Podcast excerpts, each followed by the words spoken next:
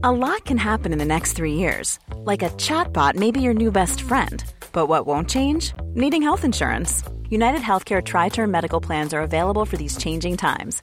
Underwritten by Golden Rule Insurance Company, they offer budget friendly, flexible coverage for people who are in between jobs or missed open enrollment. The plans last nearly three years in some states, with access to a nationwide network of doctors and hospitals. So, for whatever tomorrow brings, United Healthcare Tri Term Medical Plans may be for you. Learn more at uh1.com.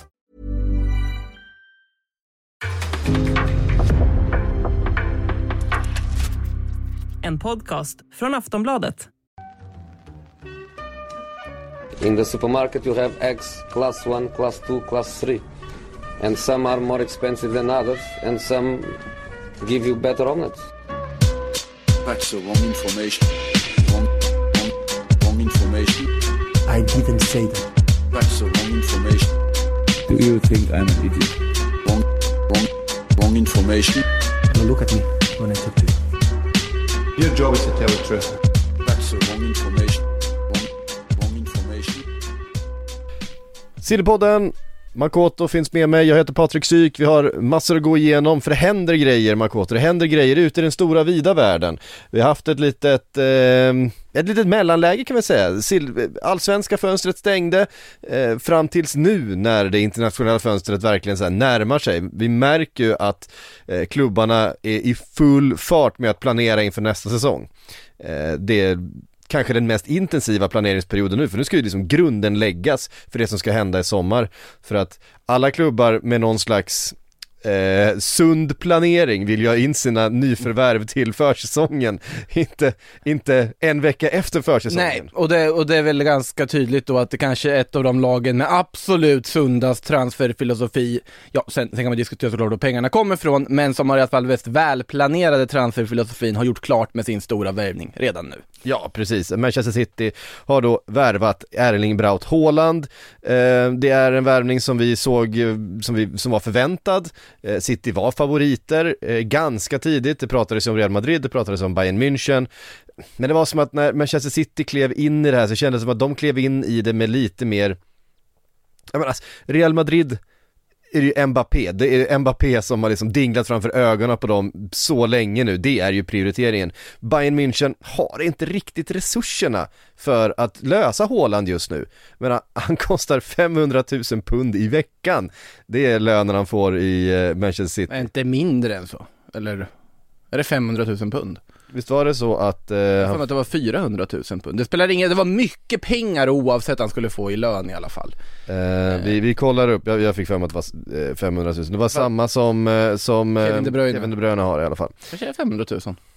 Ja, eh, det, är, det är oklart helt enkelt vad, vad, hur mycket han tjänar, det finns lite olika uppgifter. Vissa uppgifter säger 500 000, eh, Fabrizio Rama, Romano säger 300 någonting tusen. 75 000. Ja, det, det, allting kommer ju handla om liksom bonusar och vad, alltså skatter och skatteplanering eh, på olika sätt. Det är väl inte helt solklart, det kanske inte går att säga en siffra rätt upp och ner. Där han man kommer kan- tjäna en jävla massa pengar, mer än man hade kunnat tjäna i Bayern München tror jag. Det kommer man göra och eh, för Citys del ska man väl också ha i åtanke här att den här utköpsklausulen det pratades om på 75 miljoner euro, nu ska vi börja kasta valutor också hit och dit. Ja det är det Eh, som stökar med en också. Ja, men eh, att den ska egentligen bara ligga på 60. Och det visar sig då att City då har värvat honom för 60 miljoner euro plus då såklart agentavgifter och dylikt som tar upp summan till, ja, en dryg miljard i svenska kronor. Eh, Och det som, det som har såklart eh, krånglat till det här lite grann och som är väldigt tragiskt, som vi inte pratade om förra veckan, det var någon lyssnare som hörde av sig och undrade vad fan, hur kan vi inte ens nämna det? Det var helt enkelt så att vi bara inte, eh, det, hamnade, det hamnade på något sätt konstigt i rapporteringen. Men eh, Mino Raiola som ju alltså gick bort förra veckan, eh, Erling Haalands agent och agent till många såklart stora stjärnor där ute. Eh, givetvis är det så att det får väldigt stor inverkan på Eh, de här övergångarna. Så, såklart, han hade också en väldigt nära relation till sina spelare. De tyckte mycket om eh, Mino. Eh, alla de som, som, alltså en personlig eh, nära relation och det är ju någonting som Pogba har vittnat om, som Zlatan har, hade ju en väldigt eh, nära relation till Mino Även under Erling, Erling Braut Haaland också. och Erling eh, Braut Haaland givetvis också så att för många av de här stora spelarna så är det en enorm förlust. Jag menar, om vi ska säga någonting om Mino Raiola, den kanske mest inflytelserika eh, fotbollsagenten genom alla tider. Ehm, det får man väl ändå säga att han är. Han, han är en utav dem i alla fall tillsammans med Jorge Mendes eh, som kom in och verkligen förändrade liksom hela fotbollskartan, förändrade sättet som övergångar gick till på. Inte alltid liksom den, den mest hedliga eh, Inte all, det var inte på det... förhandlaren liksom. han, han är ju känd för att ha suttit på flera stolar samtidigt, gjort sig ovänner, men han på något sätt, oavsett om han Eh, tog ut enorma avgifter och klubbarna var arga på honom och han eh, liksom stökade och bråkade och satte sig på flera stolar så var det ju så här att han hade sina klienters intressen hela tiden i första rummet. Han såg till att sina spelare fick de flyttarna som de ville ha, de lönerna som de ville ha och sen var han beredd att liksom gå ut i krig för det och ta till alla, alla medel eh, som han kände till och det var många. Ja men det fanns ju en genuinitet över honom. Alltså i det just att det var precis som du säger att han hade alltid sin klient främst och det säger väl en del om han var ju vän med de här klienterna. Titta på liksom, till Zlatan Ibrahimovic så var han inte bara en agent, han var en väldigt, väldigt, väldigt god vän. Och, Och den, en väldigt stor del i hans karriär, alltså en Ja. stor del i att Zlatan blev den fotbollsspelaren som han blev har han ju att tacka Mino Raiola, så är det ju Precis som liksom Mino Raiola har Zlatan att tacka för att han blev vad han blev, för det var ju den Ja, första verkligen. stora spelaren han hade och på något sätt det som satte standarden. Vi har ju sett de flyttar som Zlatan Ibrahimovic gjort genom åren också. Alltså det är en det är otroligt tråkig nyhet där att Mino har gått bort och det är såklart det kommer ha en påverkan. När man tittar på de här värvningarna som, eller liksom flyttarna som pågår med de här spelarna, det finns ju extremt många mellanhänder och sånt som såklart kliver in och gör så Ja. att de här spelarna kan flytta på. Det blir ju ingen sån situation. Man ska ju inte tro att, att Mino eh, agerade i någon slags, eh, som någon slags ensam riddare där ute. Han hade ju ett, ett helt företag, en, en enorm stab runt omkring sig som, som hjälpte honom och skötte eh, alla de här väldigt komplicerade eh, kontraktskrivningarna och alla rättigheter till höger och vänster som ska lösas och förhandlingar mellan, mellan olika företag och skosponsorer och klocksponsorer och bildrättigheter och allt vad som innebär med de här superstjärnorna. Eh, men jag tror också, nu när Manchester City annonserade att eh, övergången är klar så st- stod det ju faktiskt också i deras eh, utskick att due to personal agreement. Um, vilket innebär att man inte är färdig med kontraktet med Erling själv. Um, Men- Vilket också eh, gett upphov till en del spekulationer just runt lön och så vidare. Men det tror jag handlar om att Mino gick bort. Ehm, det är i alla fall den spekulationen som jag har sett att, att eh, man har pausat kanske lite grann i vissa, vissa förhandlingar och så vidare. Ja, men det är ju så, alltså övergången är ju klar. Annars går de inte ut på det här sättet Nej, nej. och konstaterar att de har kommit överens med Dortmund. Eh, det finns inte att man ens överhuvudtaget riskerar en sån PR-miss på att han nu inte skulle komma överens om ett kontrakt. Så det är ju, det är ju färdigt. Det är Det är bara legala små detaljer som ska, och det kan mycket väl handla om just de personliga angelägenheterna. Eh, om man går från det till liksom det rent sportliga på Erling Braut Haalands övergång så alltså, vi har varit inne på det förut, det är ju, det är ju den mest självklara övergången som City har gjort. Eh, sett till spelarens historia, Mm. sett till behov.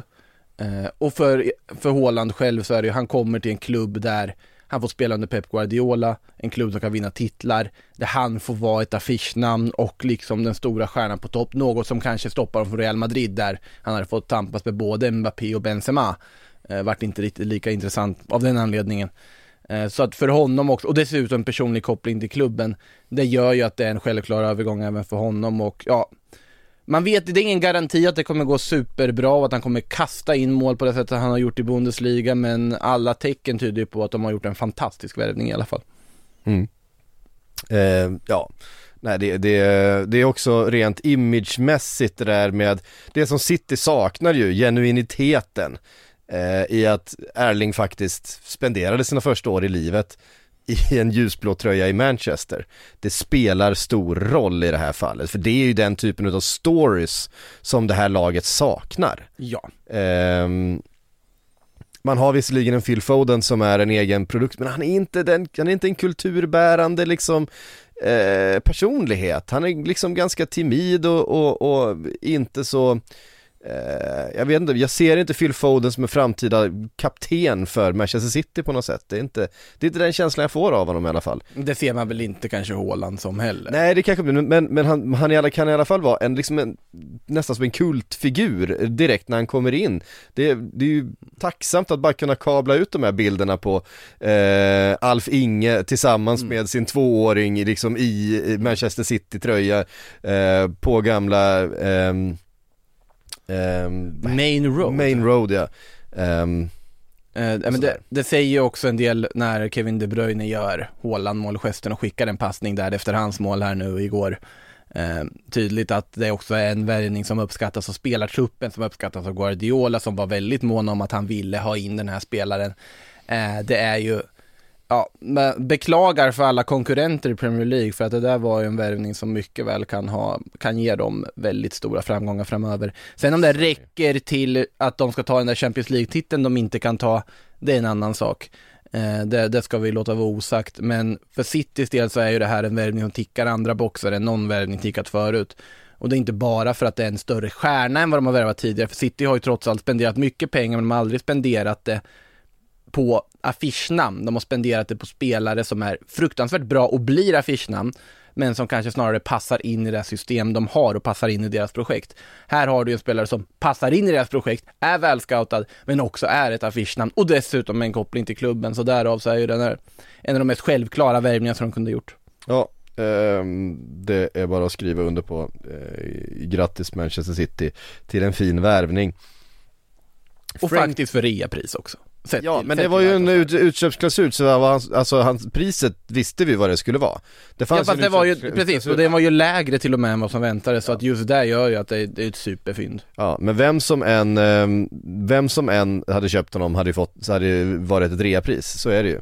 Mm. Och då blir det ju också en, en hög lön också, att man kan garantera antagligen att Pep Guardiola kommer vara kvar eh, några säsonger till för det är säkert den typen mm. av garantier som, som man har velat ha också. Frankie de Jong hörru, tror du han vill lämna Barcelona? Nej det vill han inte. Tror du han eh, kommer lämna Barcelona? Ja det tror jag. Alltså det, det är en otroligt intressant situation som utspelar sig. Det var ju igår som eh, Gerard Moreno, nej Gerard Moreno, det är ju Villarreal-anfallaren. Gerard Romero Han kanske har, en åsikt också, jag vet inte. Gerard Romero och ingen annan, eh, vad heter det, freudiansk felsägning håller jag på att säga. Eh, När han gick ut där och sa att Frankie de Jong är 95% klar för en övergång till Manchester United. Mm. Eh, nu har han haft fel ibland, även om han är trovärdig i Barcelona-sammanhang. Eh, men samtidigt, det var ju många som reagerade på det här och det här har ju följts upp under, eh, under torsdagen här också med nya uppgifter från alla möjliga håll. Och det är ju så att Barcelona vill sälja Frenkie de Jong. Och det vill de av anledningen att de måste sälja Frenkie de Jong för att få in pengar. Det är en av få spelare som det finns ett stort värde i. Ja, och det finns ett stort intresse och där Barcelona vet är att om ett år så kan det värdet ha halverats. Han är ett år äldre, han är närmare kontraktslut, han kanske har gjort en usel säsong, vem vet. Eh, han är till viss del lite överflödig i det här Barcelona-projektet idag. Det är lite som att svära i kyrkan och säga det med en sån spelare som känns så otroligt liksom kröjfisk och perfekt för Barcelona i sin stil och spelsätt. Men när du har Pedri som är en av världens bästa mittfältare nu för tiden, ja, jag sa det också, även om fast, trots att han är så ung. Eh, Sergio Busquets som har fått en sorts renässans här under sista tiden. Du har Gavi som du vill förlänga med. Du har värvat Frank Kessie på fri transfer. Eh, mm. som ska vara klar. Vi får se hur det går med att registrera honom. Det där kommer väl vara en... Kanske framförallt det, eh, skulle jag säga. Eh, ah.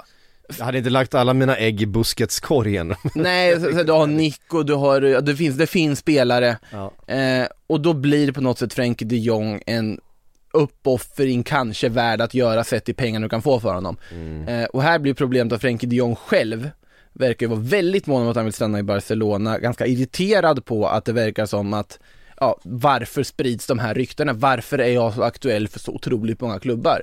Och det kom ju uppgifter i Spanien tidigare om att han misstänker att Barcelona själva har planterat de här uppgifterna för att trissa upp intresset och bygga upp ett värde på honom.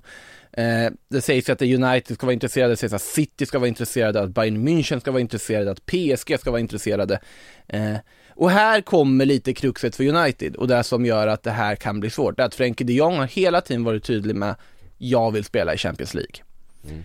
Om han nu skulle gå till United och återförenas med Erik Ten Hag, då får han ett år utan Champions League. De kommer säkert försöka, men då måste de, jag vet inte, jag tror inte det är pengar som kommer styra, utan det måste vara Erik Ten Hag som använder väldigt välvalda ord för att övertala Frenkie de Jong att det här är ett projekt att tro på och komma till. Det är Eh, konstig stämning när Ten Hag får sparken i, i november. Ja, exakt. Då, då, är det jobb, då, ja, men då är det jobbigt för Frenkie. Eh, och det är ju det här, hur mycket kan Champions League locka? Om Pep Guardiola ringer honom och säger du, kom hit och spela fotboll med oss och spela Champions League och passa bollar till Erling och bollar med Kevin De Bruyne på mittfältet. Borde inte det locka mer? Eh, så att, Men på, tal om, på tal om överflöd och så vidare. Ja, ja men de, det hade ju för sig, Bernardo Silva ganska öppet verkar vilja flytta till varmare breddgrader och flytta närmare Portugal. Det är ju därför det ryktas så mycket om honom, att han vill närmare sitt hemland och det är därför Barcelona är aktuellt för honom. Till exempel, eller Italien som det pratas lite om. Eh, om de nu skulle liksom gå med på det, Guardiola övertalar ju honom att spela ett år till. Eh, och det har ju gått bra också, Bernardo Silva har varit Verkligen. som, som, som man brukar vara alldeles briljant och unik i sättet han spelar på mittfältet. Eh, men där har du ju en ersättare. Om Bernardo Silva skulle lämna, då får du in Frenkie de Jong, då kanske det är en rokad som är värd att göra för, eh, för Citys del. Men eh, vi får se vad som händer. Jag tror att Barcelona är tvungna att sälja honom. Och jag tror att de kommer nästan tvinga bort honom ur klubben och det säger en del om hur illa ställt det faktiskt egentligen är i Barcelona. För det har ju varit väldigt mycket transferrykten in om att spelare ska värvas hit och dit. Det är väl tre, fyra free transfer-värvningar som anses vara klara. Två är ju Frankesi och Andreas Christensen ska ju vara helt klara.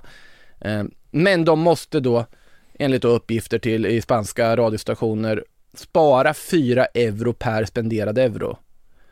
Och det är ganska mycket pengar. Nu verkar de bli av med Felipe Coutinho, det kan bli officiellt när som helst, kanske officiellt när ni lyssnar på det här, för en summa på 20 miljoner euro till Aston Villa. Det är alltså hälften av den klausul som de förhandlar in. Aston Villa är ju väl medvetna om att de kunde förhandla ner den. Barcelona var desperata att få in den här övergången innan juli, för att den ska räknas in i det här årets, alltså bokföringsår. Eh, För att de behövde den inkomsten för att sätta böckerna på rätt sätt och sen kunna ha en annat löneutrymme till nästa. Så att de, de håller ju på och fifflar, petar, trixar, gör allting för att kunna få in de här värvningarna.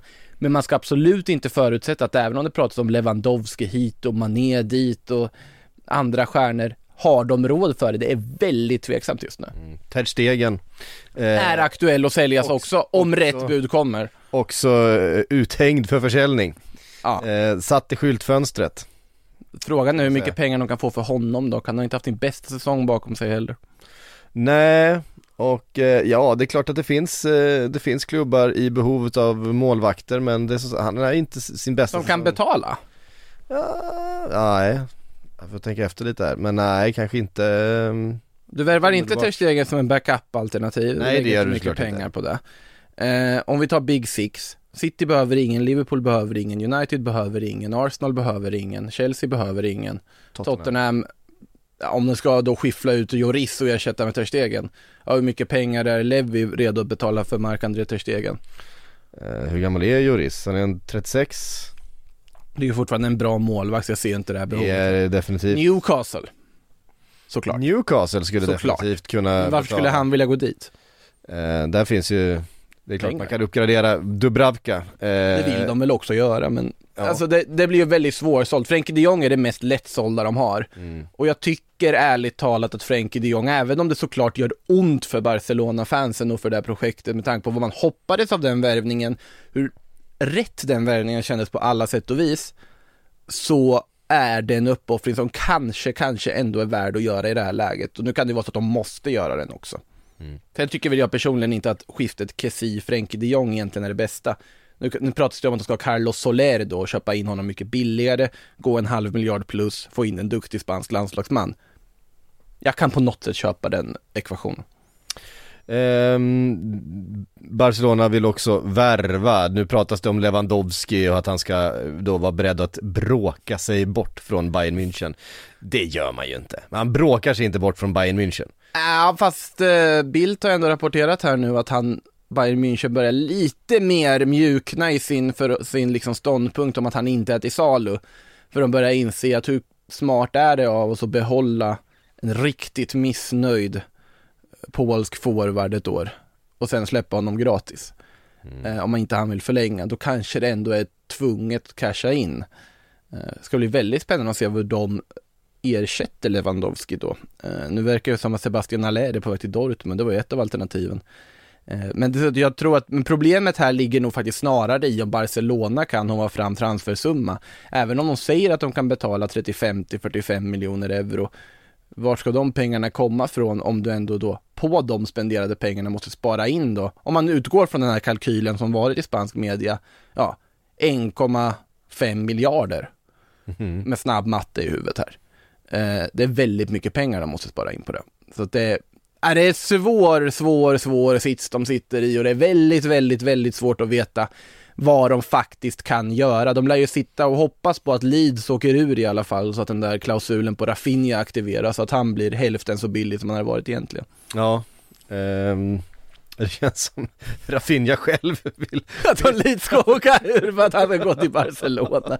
Jag vet inte om jag får säga det, men det känns lite så, så att han vill ju verkligen till Ja, Barca. men Leeds, Leeds just nu känns det som att de så här, de, de brinner samtidigt som alla hjul trillar av samtidigt. Alltså det, det är bara, det är fullständigt den här slutet på säsongen, de bara go up, in, vad säger man? They go up in flames verkligen. Eh, är den här- men de ju bara, är de inte skadade så är de utvisade och avstängda liksom, eh, hela laget och, ja men ingenting funkar ju längre. Ehm, Det var bara för att jag pudlade på min Jesse Marsh ifrågasättande som det slutade med att jag ändå fick rätt i slutändan de åker ur efter att ha kickat Bielsa. Och du som hyllade Dan James, eh, han hade ju en, en sådär match. Ja, jag, jag kommer fortsätta med en dåres envishet att hylla Dan James för jag tycker han har kvaliteter. Jag, gillar Dan James. Riktigt stygg tackling igår. Eh, Det, det var inte riktigt vad jag förknippar med Dan James i och för sig, men det är en annan sak. ehm, Sadio Mané pratas det mycket om också, det pratas om det i Barcelona-kretsar, jag vet inte hur de ska lösa det. Eh, men det pratas framförallt kanske, Bayern München eh, är ju de uppgifterna som har varit eh, de högst låtande i alla fall, de högst ljudande eh, uppgifterna. Även om de har dementerats från vissa håll så är- känns det rätt så tro, eh, liksom, det är rätt trovärdiga uppgifterna då som gör gällande att eh, det finns ett intresse från Tyskland för Sadio Mané. Det intressanta är att det är trovärdiga uppgifter som säger att det finns intresse, det är trovärdiga uppgifter som eh, dementerar det också. Så det är en väldigt spännande situation där med de abs- absolut mer trovärdiga Är inte, tyska. käns, är inte känslan där att om Lewandowski försvinner så kommer man eh, titta på eh, en Sadio Mané med ett år kvar på kontraktet Ja, Elon Gnabry försvinner. mm. Eh, jag tycker det är en jättebra värvning för Bayern München om de löser. Jag tror att han skulle kunna funka alldeles utmärkt där. Ja, Och den har man ändå sett på något sätt kunna vara aktuell, att alltså Sadio Mané om man ska dra Bayern München hade nog passat ganska bra. Eh, jag tror nog att det, det är ganska, det är ett intressant projekt, han skulle få en tydlig roll, han skulle få ösa i målet, han vet ju hur det är att spela i, spela i på, ja, tysktalande mark åtminstone, så att, eh, nej det, men sen får vi se, jag vet inte riktigt hur Liverpool resonerar, det beror väl på vad som händer med Salah och allt också. Ja, nej men det är ju lite en eh, lustig situation det här med att både Salah och Mané bara har ett år kvar på kontraktet. Mm. eh, Och känslan är att man kanske inte vill förlänga med båda men att man har hamnat lite i ett eh, Vem blinkar först eh, läge, för är det så att Mané drar, ja men då kan man förlänga med Salah, det finns backup, Luis Diaz har redan kommit in, eh, vi har Jota, Firmino kommer eh, fortsätta, han kommer spela ut sitt kontrakt antagligen då. Eh, man kan ta in kanske en ung, något lovande ehm, där bakom. Eh, skulle Salah däremot försvinna det kommer in ett stort bud på honom som man känner att oh, nu är det läge att casha in här med ett år kvar, ja men då vill, måste man ju förlänga med Mané för man kan inte, man kan inte tappa båda. Men samtidigt så tror jag att man är beredd att tappa en av dem för rätt bud, att casha in lite grann här för att börja bygga om den här anfallstrion, för det måste ju göras, så man har ju börjat då med, med Jota och, eh, Luis Diaz. och, och Luis Diaz. Ehm, Men det ska väl in en eller två namn till där de närmsta åren och däremellan vill man ju såklart eh, ha en superstjärna kvar från den här gamla fronttrion. Um, jag, Casha, Mané, behåll Salah eller? ja, alltså det skulle jag inte bli förvånad om det blir så i sommar.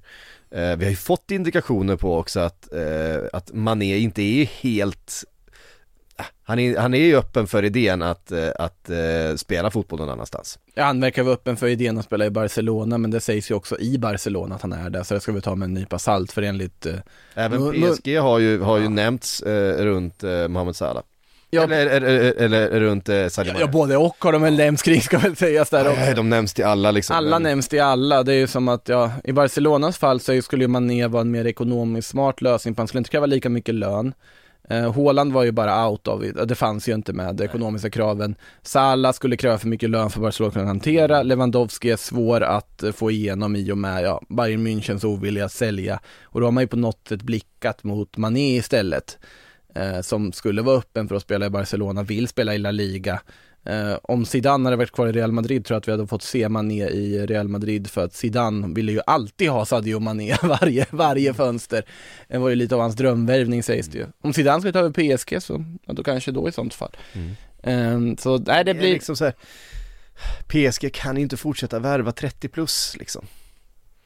nej det är väl därför de sägs vilja buda på Darwin Nunez också. Mm.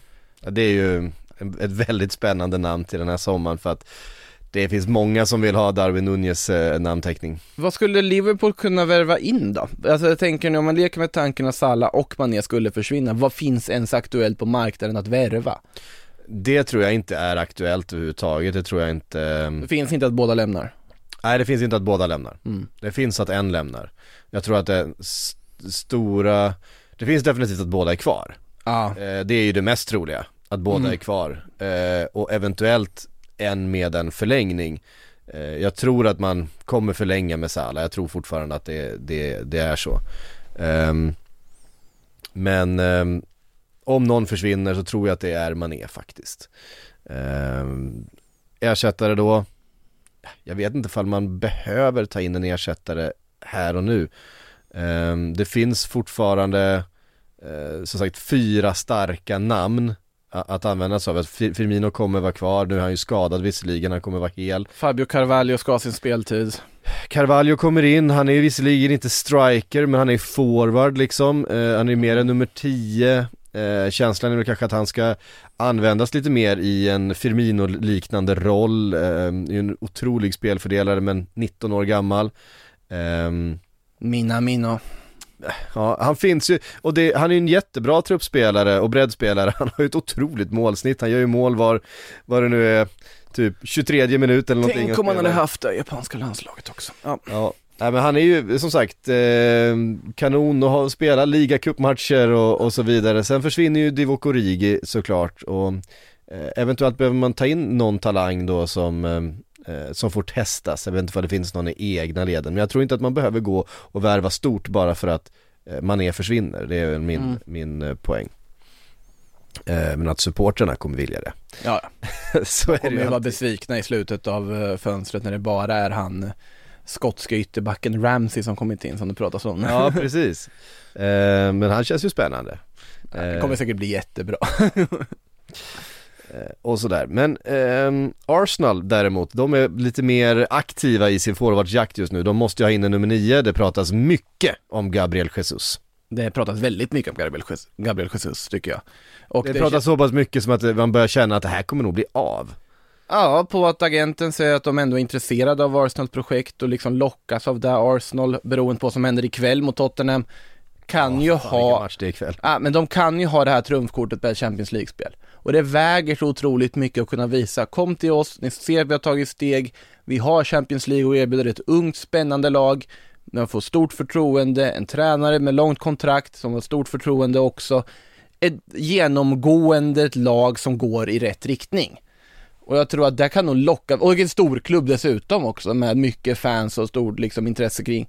Så att såklart att det lockar att gå till Arsenal just nu. Arsenal är en attraktiv destination för spelare just nu tror jag och jag tror även för Gabriel Jesus som skulle få en mycket större och viktigare roll Mm. i Arsenal. Och till skillnad från andra så här värvningar som Arsenal har en förmåga att göra från andra Big Six-klubbar som inte har slagit så väl ut så tror jag att Gabriel Jesus skulle kunna vara en riktigt fin värvning för dem och jag tycker att de vill ju ha in två forwards helst.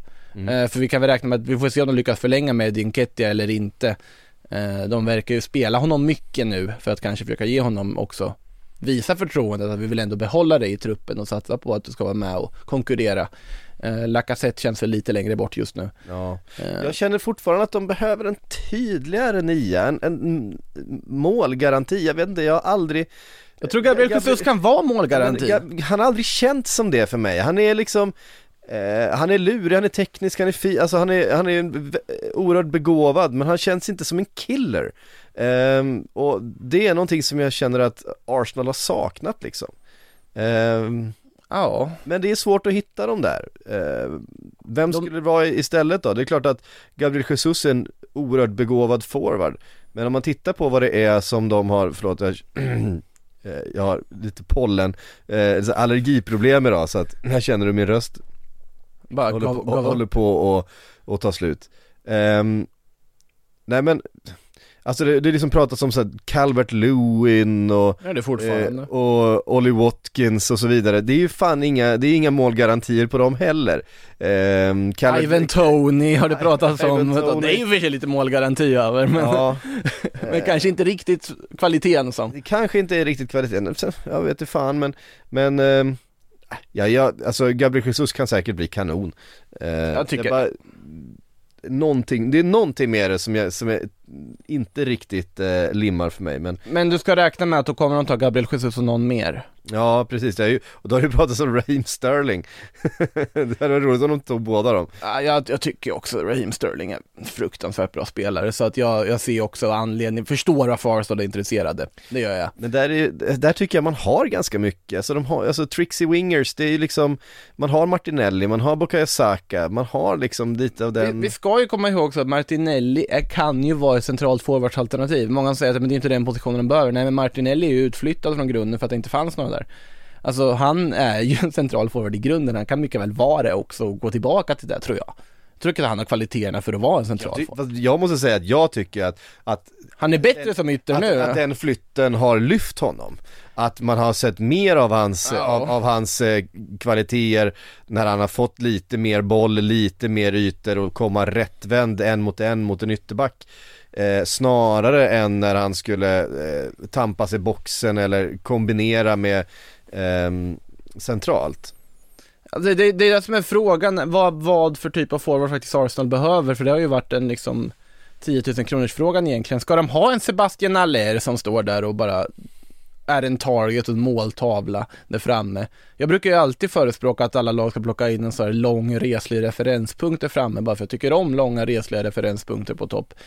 Men jag vet inte om Arsenal skulle må bra av det egentligen, alltså man Kanske hade funkat utmärkt med att bara ha liksom lite annan typ av forward som Gabriel Jesus till exempel eller som Martinelli centralt eller Det är svårt att veta riktigt vad som hade funkat bäst för men det, det får man väl lita på Arteta att han vet vad han gör. Eh, och att, jag tycker ändå att de med facit i hand från också värvningarna de gjorde i somras, där lyckades de. De har prickat rätt på väldigt många av de värvningarna. Eh, Ramsdale är ju ett superfynd sett till hur alla skrattade åt den värvningen. Eh, Tommy Jesus ska vi inte prata om vilket fynd han har varit. Otrolig Ja, och nu har man ändå, det, det är bra namn det pratas om, det pratas om Gabriel Jesus, det pratas om Juri Thielemans till mittfältet, det är en Ja det pratas mycket Thielemans till, eh, till Mm. Arsenal också Ehm, och det är klart att, ehm, Och det är en sån värvning du inte får igenom om inte du har CL-spel att erbjuda. nej Och du, har, du sitter på en annan pedestal när du har det. Och nu kan Arsenal faktiskt börja bygga ett lag som på sikt, ja jag säger det faktiskt, på sikt skulle kunna börja utmana om titlar. Om de nu får ihop det och får fortsätta och liksom bygger en tradition av att ta sig till CL-spel. va? Lugn nu Makoto, lugn nu, en sak i taget. Ja, jag sa, jag... på sikt, vilket jag säga, på sikt. Ja visst Får vi ta och sansa oss lite Nej men det är klart att äh, Arsenal kommer få ihop ett, ett bra lag, det Mm. de framförallt ska göra är att etablera sig igen på en topp 4 nivå i Exakt. Premier League Exakt, det är Eh, prior- prioritet liksom. Ja Ehm, Och det är ett svårt steg att ta. Eh, Det är bara att titta på eh, Tottenham och Manchester United och Arsenal och så vidare. Och även lag som har utmanat som eh, Leicester och West Ham och så vidare. Det är svårt för att, det, att komma ikapp dem högst upp, alltså Manchester City och Liverpool, det, den resan är väldigt lång. Den är, den är bisarrt lång och, såklart. och, och däremellan så finns City, så att eh, om man ska, United också, Ja, kan vi räkna med och- att ja. ja vi ska ju räkna in United igen då till, nästa, till nästa säsong. Äh, det, Men snart är det ju bara att se till att göra tillräckligt bra resultat i Champions League så du går vidare på att du är ett klassisk Champions League-klubb, för då får du ju Champions League-spel framöver eftersom att Uefa nu klubbade igenom sitt eh, nya system. den nya koefficienten, eller det som inte, de har Precis. lagt ner koeffici- koefficienten. De har lagt ner gruppspelet, detta heliga gruppspelet, det har de lagt ner för nu, nu ska det vara stor liga och det är åtta matcher eller vad det är mot eh, alla mot alla och fullkomlig kalabalik.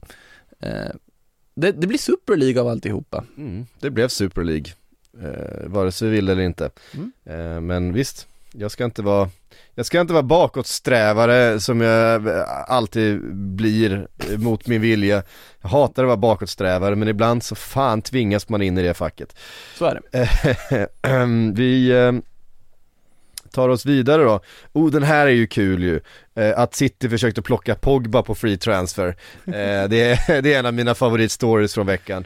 Eh, Han tackade in nej, vilket ju var lite synd. Ja, det Eh, var så. men, men eh, man hade ju verkligen velat uppleva den där, ja men alltså den egna produkten eh, som han har varit för Manchester United eh, Paul Pogba och det, övergångssumman, alla, allt, allt bråk, alla dåliga matcher, allt, allt, allt tandgnisslande som har varit under de här åren Bara för att på free transfer dra direkt till City, vilket man också vet han hade gjort sån jävla succé där! Han hade ju varit, han hade ju varit Under grym! Pep, helt otrolig hade han varit, han hade lyft titlar som aldrig förr. Ja men vilken tvåvägsmittfältare han hade varit där fram, eh, alltså ehm, ja framför Rodri liksom tillsammans med De Bruyne eller vem det nu än är, alltså han hade varit magisk ju Ja. Eh, Han har inte bara varit en barber to barber midfielder, han har varit en box to box på riktigt. Um, upprepade jag ett skämt från tidigare den här säsongen, men det spelar ingen roll för jag tycker det är en helt underbar beskrivning av Paul Pogba. ja. Eh, men eh, i alla fall, nej det blir ju inte av på grund av att, ja de, det vart, de hade inte riktigt det här paketet som han önskade sig för han vill Jag tror också inte att han kan gå till Manchester, jag tror också han fattar att det, det är liksom, det är inte- ett legacy han vill ha, han vill inte vara den jäveln. Men en sak, det är han en vill sak inte vara Carlo- kvar i England också. Det är en sak att, det är en sak att eh, Carlos Tevez gör det efter ett par säsonger i Manchester, Manchester United. Och att han är från Argentina, han skiter väl i det liksom. Han spelar fotboll och vinner grejer och eh, who cares, men Pogba han, han, han bryr sig om det här liksom Jag tror att han genuint har brytt sig om Manchester United Ja, så är det Ehm, såklart. Nej, det, det finns ju inte, men sen är det också, Han han, han har bort varit från en- England. Han har varit en del av en förgiftad miljö, absolut Men han måste ju bort från England, han måste ju, han måste ju bort från Graham Souness Och alla de här förgiftade jävla eh, kommentatorerna på olika håll Ja men han måste ju ut i liksom medelhavsvakuum här nu så att han inte Ja. syns så att de bara, jaha Paul Pogba, vad hände med honom? Jaha, spelar han i Paris? han hade, ju varit, Alltså- han, hade varit, han hade varit kanon i PSG Ja, så får vi se hur det blir med PSG för det dröjer lite där, det känns väl som att PSG är närmast men det var väl RMC som kom med de uppgifterna här om att eh, PSG måste sätta lite riktning i vad de sysslar med först. Ja, och, och, och det var lite med Det kommer budgetar aldrig och, hända tyvärr budgetar och ekonomi och truppbygge. Det finns väldigt många parametrar som inte har klaffat eller bestämt än som gör att de inte kan genomföra den här Pogba-värvningen. Jag vet inte om det här är ett fint sätt att säga att de har inte pengar för den. Eh, det hade ju varit ganska upplyftande om PSG inte hade haft pengar för en värvning. Mm. Eh, men de måste få lite mer saker på plats med olika spelare och truppläget innan de skulle kunna genomföra den här värvningen. Eh, så vi får ju se hur det blir med Pogba. Det är ju, han vill ju till Real Madrid har ju sagts, men Real Madrid verkar inte jätteintresserade Nej, just inte nu. längre, för ett par säsonger sedan var det ju verkligen på tapeten ska, men, jag tror inte vi ska utesluta Real Madrid än, helt och hållet. Eh, Juventus ska vi absolut inte utesluta, de kommer ju vara, vilja göra saker nu med tanke på hur, hur den här säsongen gått, första titellösa säsongen på över tio år. Eh, bekräftades ju här igår i och med att också de förlorade cupfinalen mot Inter.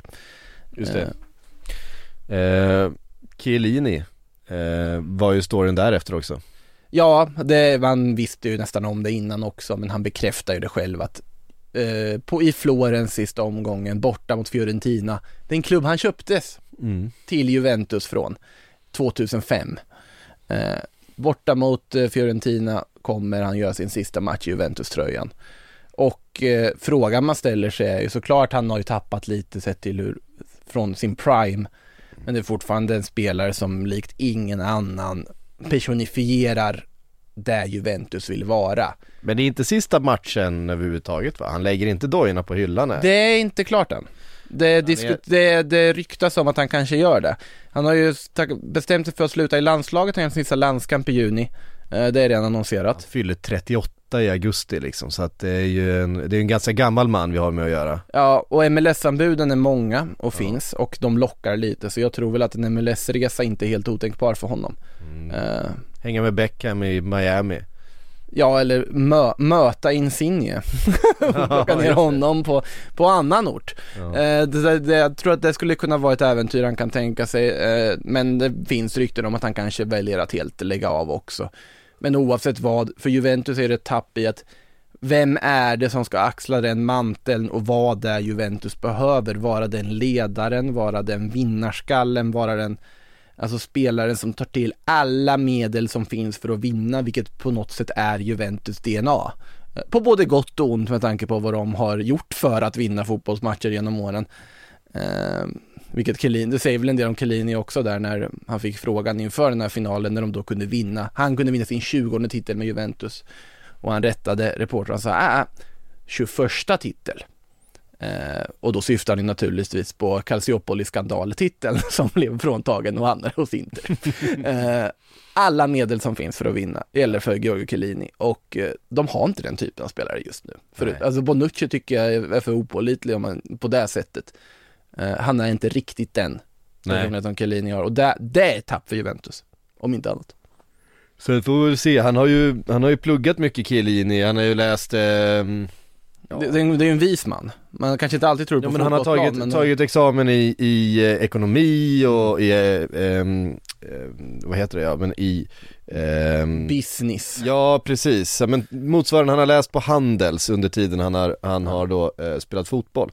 Så att helt omöjligt att han ganska strax efter karriären ger sig in i fotbollsbusinessen Som till exempel sportchef eller någonting annat är ju inte alls omöjligt. Och det hade varit väldigt intressant att mm. se den eh, Jag tror kanske inte att han blir tränare Uh, jag vet inte, han känns Nej det känns inte tränare Han känns som en annan, annan, typ, men däremot hade det varit otroligt Eh, intressant att se honom som en Ja, som en maktspelare på något sätt inom, ja. inom den italienska fotbollen och kanske i den europeiska ja, fotbollen. Verkligen. Han är otroligt liksom eh, intelligent och, och liksom välutbildad och genomtänkt person.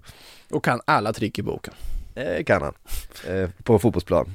Fy fan, jag känner hur den här allergin håller på att bara eh, Sänka dig. Wreaks havoc i mitt huvud just nu. Ska vi gå till frågor då? Jag har inte tagit min, eh, min eh, medicin idag, kommer jag på nu också. Och varför har du inte gjort det Patrik? Ja, jag vet inte. För jag glömde det. Um, ska se, hade vi något mer i körschemat här? Uh, Mukiele får inte förlängt med Leipzig, aktuell för United. Um, här finns ett fynd att göra. Mm, eh, för att eh, han har ett kontrakt som går ut 2023. Eh, duktig högerback i Leipzig liksom, ung, 24 år gammal, bra offensivt, bra defensivt. Eh, United vill ha honom sägs det, PSG vill ha honom och det pris som Leipzig uppges då var redo att sälja för, för att få casha in, är runt 10 miljoner euro. Mm. Och det tycker jag är ingenting för en sån spelare. Och när United behöver göra om så mycket som de behöver, om då Ten Hag tycker att men Mukiele ser ut som ett bra alternativ att ta in, en bra högerback. Kör på det. Då har ni täckt den positionen. Då har ni löst det problemet. Eh, och så kan man gå vidare och lägga pengar, för det finns inte obegränsat med pengar, och lägga det på andra spelare. Så att jag tror att Mukiele tycker jag väl att om han finns tillgänglig för det här priset, slå till, säger jag, för det kan inte bli sämre än det som är just nu.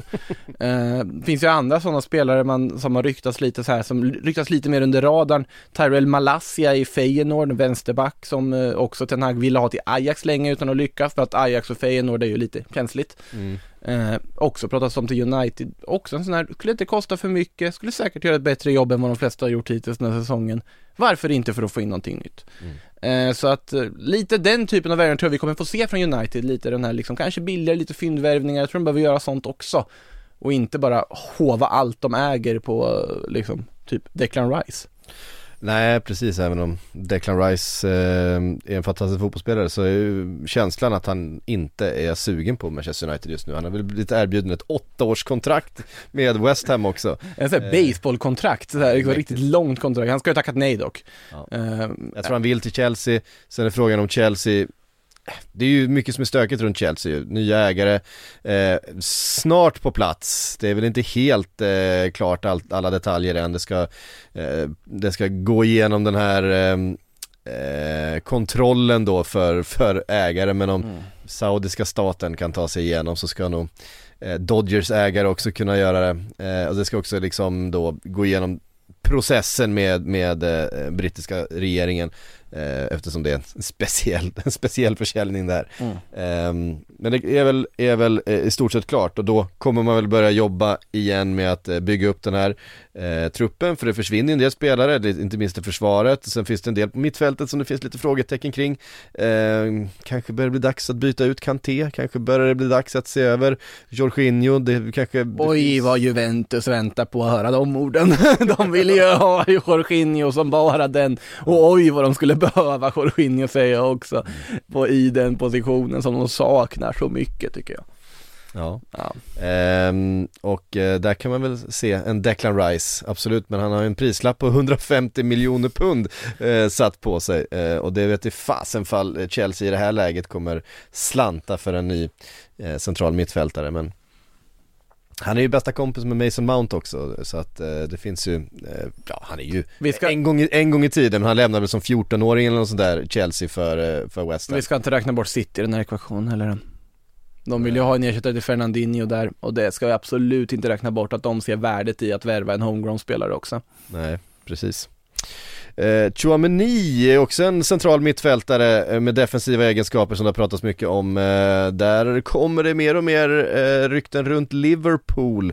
Att eh, där är ju många klubbar som drar, eh, kanske framförallt Real Madrid och Liverpool som det har pratats om. PSG dessutom. Eh, PSG lite grann men, men indikationerna som har kommit den senaste tiden har varit att spelaren själv har valt Liverpool men sen så handlar det då om att komma överens med Monaco om priset. Eh, och att det, man är inte överens helt enkelt eh, om värderingen på spelaren. Monaco vill ha ganska mycket pengar, någonstans runt eh, ja, 60-70 miljoner euro. Mer har jag hört till och med. Ehm, och ehm, vad jag förstår så har väl Liverpool eh, kunnat sträcka sig till någonstans runt 50 miljoner euro. Eh, så att de är inte helt off varann, men vi får se ifall de ehm, hittar en överenskommelse. Som sagt, Real Madrid är där och nosar och PSG lika så. Vet du vad det roliga är med det här? Om man läser spanska tidningar så är det ju så att Chouameni vill absolut Real Madrid, Real Madrid överens med Chouameni, men det är lite dyr prislapp från Monaco som gör att det blir svårt att värva. Det, är det, man, det är det som är intressant, att det är eng, engelskt håll, då är det ganska tydligt, även han vill till Liverpool. Det här är ju för sig Fan. franskt håll som jag... Ja det är till och med som- franskt håll du har det från att han vill, och från ett spanskt håll i alla fall där han vill till Real Madrid, det har ju, det har ju pratats om i ett år minst, alltså att det ska vara aktuellt. Mm. Eh, jag tror att för Real Madrids del kanske att det hade varit en övergång att genomföra nästa sommar, men då är frågan, är det för sent? Då kanske han redan har gått till Liverpool. Han själv har ju sagt att han inte stressar. Nej. Han skulle kunna tänka sig att spela CL med Monaco, det har varit jättekul. Eh, typ så. Så att jag tror att jag, det är en sån väg, jag skulle inte bli förvånad om han sitter kvar ett år till. Och så får man ju se, kommer han fortsätta vara lika bra som han varit den här säsongen, ja då kommer nog prislappen ligga på miljardsumman nästan. Eh, I och för sig så är då ett år närmare kontraktslut, vilket kanske då ändå väger upp det så att den ändå hamnar runt 60-70. Vi får väl se vad som händer, men det är en otroligt spännande spelare i alla fall. Ja, nej men onekligen och det, ehm, det är en sån här spelartyp som inte kommer eh, liksom eh, 10-15 stycken varje säsong och, och slår igenom. Eh, Alltså defensiva mittfältare med, med, med så fina fötter och, och liksom riktig spelförståelse, att man ser att det är en kvalitetsspelare. Eh, som sagt, snabba yttrar, det kommer det fram, eller folk som petar in en, en 15 mål på säsong och blir hypade, det dyker upp hela tiden. En, en offensiv, modern ytterback. Ja, menar, det finns, det finns, det finns ju 13 på dussinet liksom. Ja. Medan just den här typen utav liksom defensiv eh, mittfältare med alla de egenskaperna som han har, han är stor, han är stark, han, är, eh, han har en fantastisk boll, han gör mål, alltså Ti- Titta på liksom alla statsparametrar som han toppar i ligan som 22-åring just nu på den här säsongen, det säger det mesta om hur bra han är. ja. Vi eh, tar och eh, kastar in lite frågor då innan min röst försvinner helt här. Mm. Eh, vi har fått en från eh, Martin som skriver Ben Brereton Diaz, Blackburn förlängde kontrakten med ett år för att sälja vidare eller kör han i Championship ett år till? Sälja vidare. Alltså det, är- jag har svårt att se att han ska sitta kvar i Blackburn nu. Eh, det är en chilensk landslagsman, den, den storyn är väldigt häftig. Kan jag kan rekommendera dem, uppmärksamma dem i förra fotbollsresan när eh, Niva och Linn var iväg här också vet jag, de var och tittade på Blackburn, just Ben Brereton, chilensk eh, britten. Eh, och hans häftiga resa från football manager till det chilenska landslaget kan man väl säga. Mm. Eh, nej men han eh, har ju ryktats jättemycket till eh, Premier League-klubbar. Jag tycker till exempel att en sån spelare som Brighton borde titta extremt noga på. Eh, och plocka in. Jag tror att det har varit passat perfekt för dem. Kost, hade det säkert kostat en slant men jag tror att det kan vara värt det för en sån spelare som vet vart målet är och är up and coming på så vis. Jag tror att det är såklart att de förlänger som de har optionen. Men jag tror att de är, det kan bli en försäljning. Mm. Ehm, eh, ska vi se här, vi fick en fråga ifrån, ska se så jag får namnet rätt, eh, Johan Lindström heter han. Vem tar omklädningsrumspruttaren? Det var Marcelo i Lyon som alltså blev petad för att han upprep, vid upprepade tillfällen ska ha fisit i omklädningsrummet och skrattat åt det. Det är så, så bisarrt alltså. Eh, ja, vart ska han då? Han ska väl då rimligtvis kanske då till Arsenal eller möjligtvis BK Häcken. Eh, det tar mig emot att dra ett, att dra ett rövskämt om BK Häcken, men, men det, det, måste man så måste man. Ja, det- eh, som, om- som Marcelo sa. Om ni har några andra klubbar som Marcello kan gå till så kan ni kommentera, skicka Ja, ett meddelande till gärna- Patrik.vik Vi vill gärna ha en lista för bra, lämpliga klubbar för Mar- Mar- Marcelo att skriva på för, där han kan få släppa väder eh, som han vill. Elsa Alm vill ha en uppdatering om Sam Larsson, Makoto. Ja, han ska ju ha brutit kontraktet i Kina.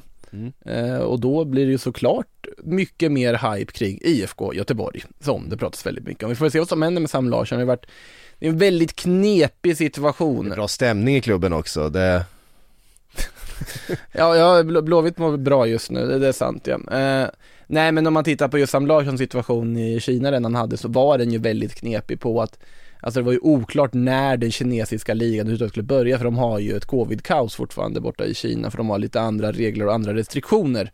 Eh, och det var ju oklart, de har ju skjutit upp starten på kinesiska högsta ligan, då pratar vi om som Dalian då som Sam Larsson och även då Marcus Danielsson spelade i.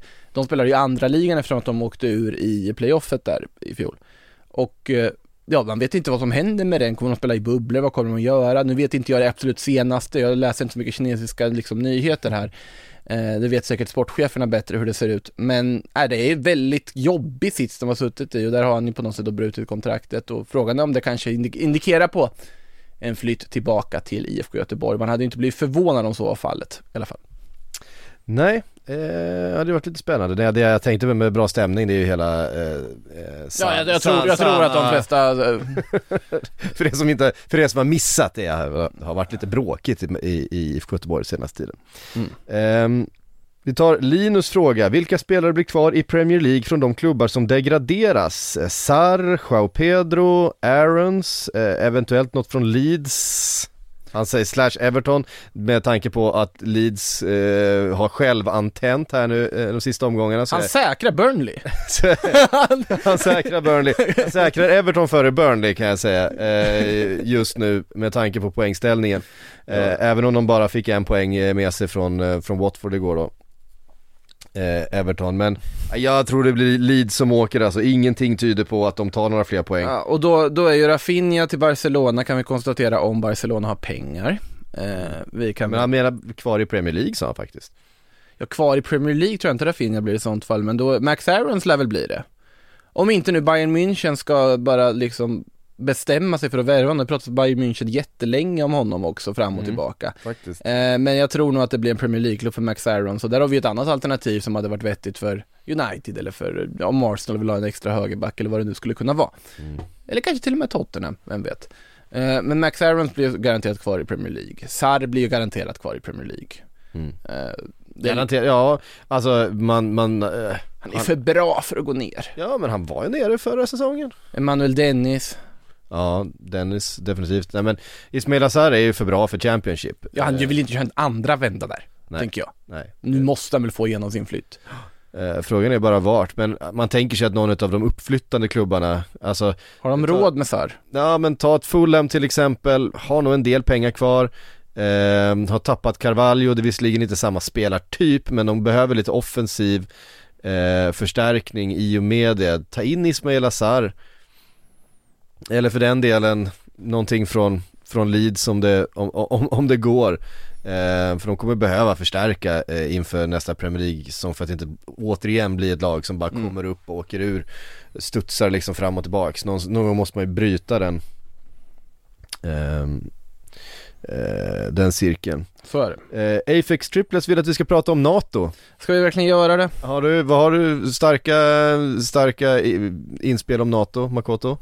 Jag vill ha din analys, din säkerhetspolitiska analys Jag har absolut ingen säkerhetspolitisk analys men min spontana känsla är att, eh, utan att gå in för nära på det egentligen, att man ska väl akta sig för att hoppa på saker allt för snabbt baserat på det nuvarande läget med tanke på vad det kan ge för effekter längre fram i tiden.